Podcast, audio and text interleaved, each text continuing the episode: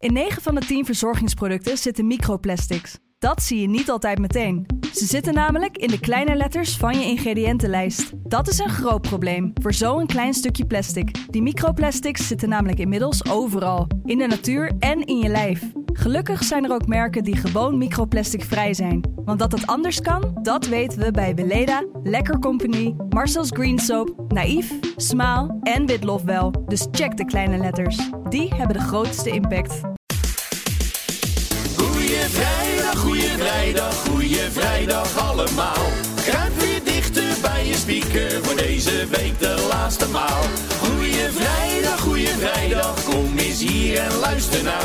Heb jij ook een vraag voor Evert? Jordi stelt ze namens jou. En eindelijk lijkt er meer duidelijkheid te komen in de zaak Borsato. Want strikt privé is er voor.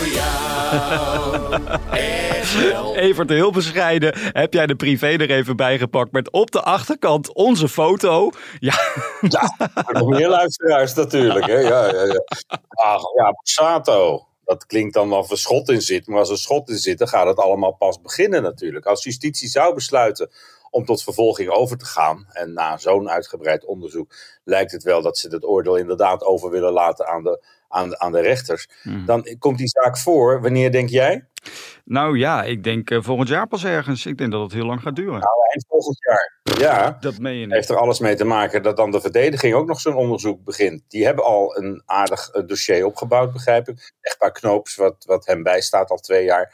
Maar ja, dan moeten nog allerlei mensen gehoord worden voor de verdediging. En voordat het dan voorkomt, en als het dan ook nog tot een hoger beroep zou komen van een van beide partijen, dan zit je zelfs in 2025. Dat is echt ongekend. Dat betekent dus dat Marco Borsato straks gewoon al vijf, wat is het, zes jaar niet heeft kunnen zingen door alles wat Ja. er nu speelt. Dat is toch... En er zijn nou wel wat zenders die wat meer draaien. Tja. En uh, 538 loopt daarin voorop. Dat is het enige teken van leven wat we van Marco krijgen. Want ja, eh, zien en horen zoals vroeger doen we hem zeker niet. En voorlopig ook nog niet. Het is eh, ongekend. We hebben dat eerder deze week in deze podcast ook al uitgebreid besproken. Vanochtend dacht ik ook weer even aan die andere grote zaak, de Voice-zaak. Weten we daar inmiddels eigenlijk al van wanneer dat allemaal voor gaat komen? Nee, en als je dan ziet hoe het in, in Duitsland was, een affaire rond Ramstein, die gewoon, Ja. eh, ook een fan die zegt dat ze eh, seksuele overschrijdend gedrag van een van die leden meegemaakt heeft. Dat is in twee maanden gewoon opgepakt, uitgezocht en afgetikt. Tja.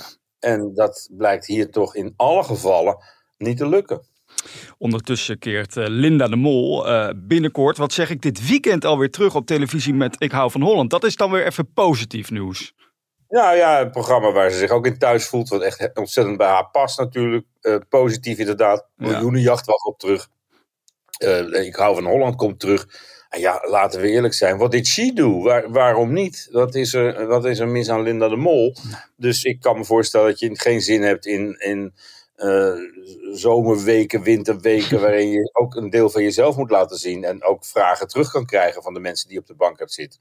Maar dit zijn strakke formats waar zij gewoon kan schitteren zoals ze altijd gedaan heeft. Ja. En de kijkcijfers, als die ooit weer opduiken, die zullen heus wel uitwijzen dat, dat, eh, dat, dat, dat het publiek daar weer op zit te wachten. Beetje vrolijkheid in het weekend met Linda de Mol en ik hou van Holland. Ja, Nou, dat allemaal wel gemist. over die kijkcijfers trouwens. Ik mis dat wel hoor, nu iedere ochtend. Ja, het is toch even heel raar nu dat we niet weten wat er gisteren goed gescoord heeft. Dat is, Ik ben natuurlijk laat thuis van shownieuws en ik slaap ik ook laat. Maar om half acht had ik altijd zo'n wekkertje in mijn hoofd.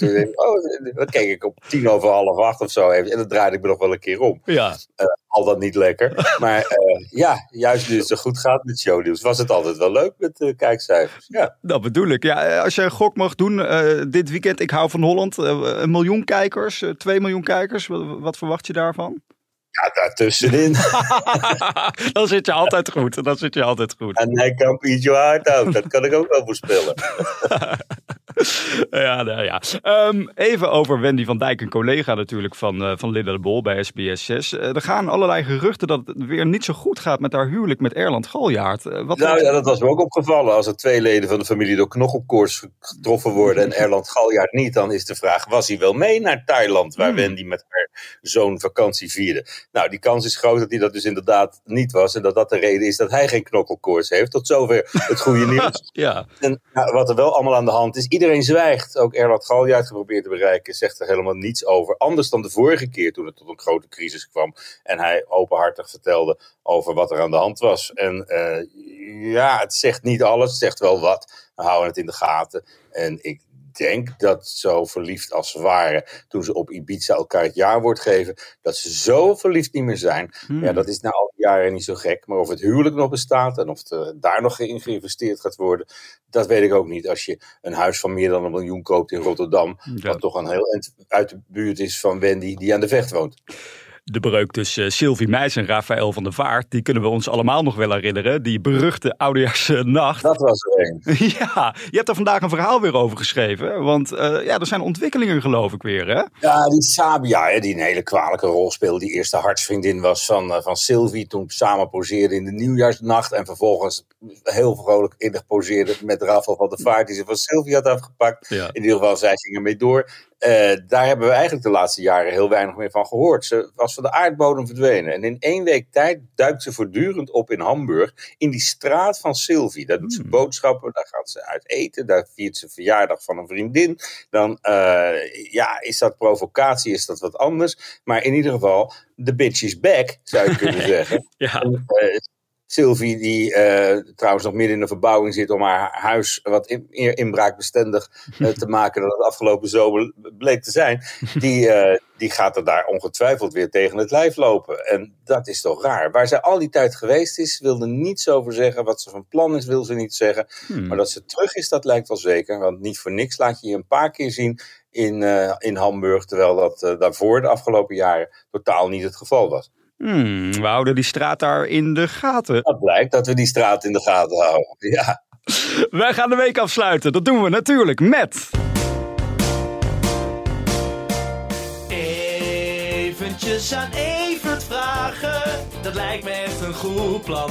Een vraag aan de privéman. Een vraag van Patricia deze week. Zij vraagt zich af, hoe is het nou eigenlijk met Tom Egbers? We horen zo weinig over dat onderzoek. Weten we daar iets meer ja, vanaf? We het eigenlijk al een beetje over. Dat is net als de Marco Borsato-zaak natuurlijk. Dat is een, weliswaar intern onderzoek, ligt niet bij justitie.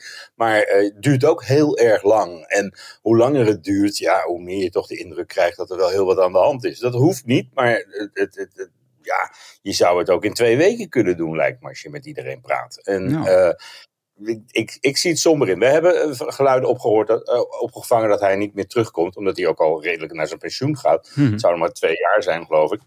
Dus ehm, ik kan daar weinig over zeggen. Eh, over Matthijs van Nieuwkerk geldt precies hetzelfde. Hmm. Die komt dit weekend met een groot interview, heb ik begrepen, in NRC Handelsblad. Een interview van meester-interviewer Koen Verbraak. Die we allemaal kennen van eh, In de Ziel van. Ja. En eh, ja, eh, daarin zal hij dan wel vertellen zijn versie van het verhaal. En ook dat het hem heel erg spijt. De bedoeling was volgens mij dat het ergens op tv zou komen. Ik denk dat het voordeel van een geschreven interview is dat je ja, met de interviewer redelijk kan overkomen, wat over afspreken, wat wel, wat niet. En de nuances kan aanbrengen. En als je iets ironisch zegt, dan komt dat niet altijd over op papier. Dus dat moet je dan zo bijschaven dat dat wel duidelijk is. Hmm. En dan is dat de eerste stap naar het eh, herstel van eh, Matthijs van Nieuwkerk. Die Koen Verbraak trouwens, die moet tegen mij nog een keer sorry zeggen. Oh, Want die had afleveringen gedaan van eh, In de Ziel van. En ehm, toen vroeg hij, weet jij niet om het mee af te sluiten? En ik zei, nou, nee, je had allerlei beroepsgroepen gehad. Advocaten, nou, journalisten, daar zat ik toen nog in. ja. En ik stap in mijn auto. Ik denk, nou, als laatste zie je de, de minister-presidenten. Hmm. Dat is best een leuke, eh, leuke afsluit. Dat heeft hij ook gedaan. Maar ik heb er nog geen fles wijn voor gehad. En, eh, Nou, dat vind ik echt wel een beetje karig. Zeker Nou. als je die budgetten bij de NPO kent. Koen Verbraak, bij deze, ik hoop dat je luistert. Even, ik verwacht morgen nog een koerier richting jouw huis. Dat daar, eh, dat daar gewoon een flinke Magnum fles champagne staat. Dat moet gewoon goed komen. Nou, ik ben heel benieuwd dit weekend naar het interview eh, dan eh, van Matthijs van Nieuwkerk. En ja, misschien, ik ben ook benieuwd naar de timing. Waarom hij dat dan nu doet. Keert hij dan misschien sneller terug op televisie? Dat, dat zou natuurlijk zomaar eens kunnen. Nee, maar dit zijn die dingen, daar moet de tijd rijp voor zijn. Daar moet je zelf aan toe zijn. Daar moet je nieuwe inzichten voor gekregen hebben. Want Matthijs gaf er eerder niet veel blijk van dat hij in, inzag dat, dat, dat hij verkeerd gezeten had. En als dat allemaal samenvalt, dan is dat uh, waarschijnlijk morgen 2 september. En kunnen we het allemaal lezen. En dan gaan we het er maandag over hebben, want dan zijn we er vertrouwd weer om 12 uur, Evert. Mooi weekend, hè?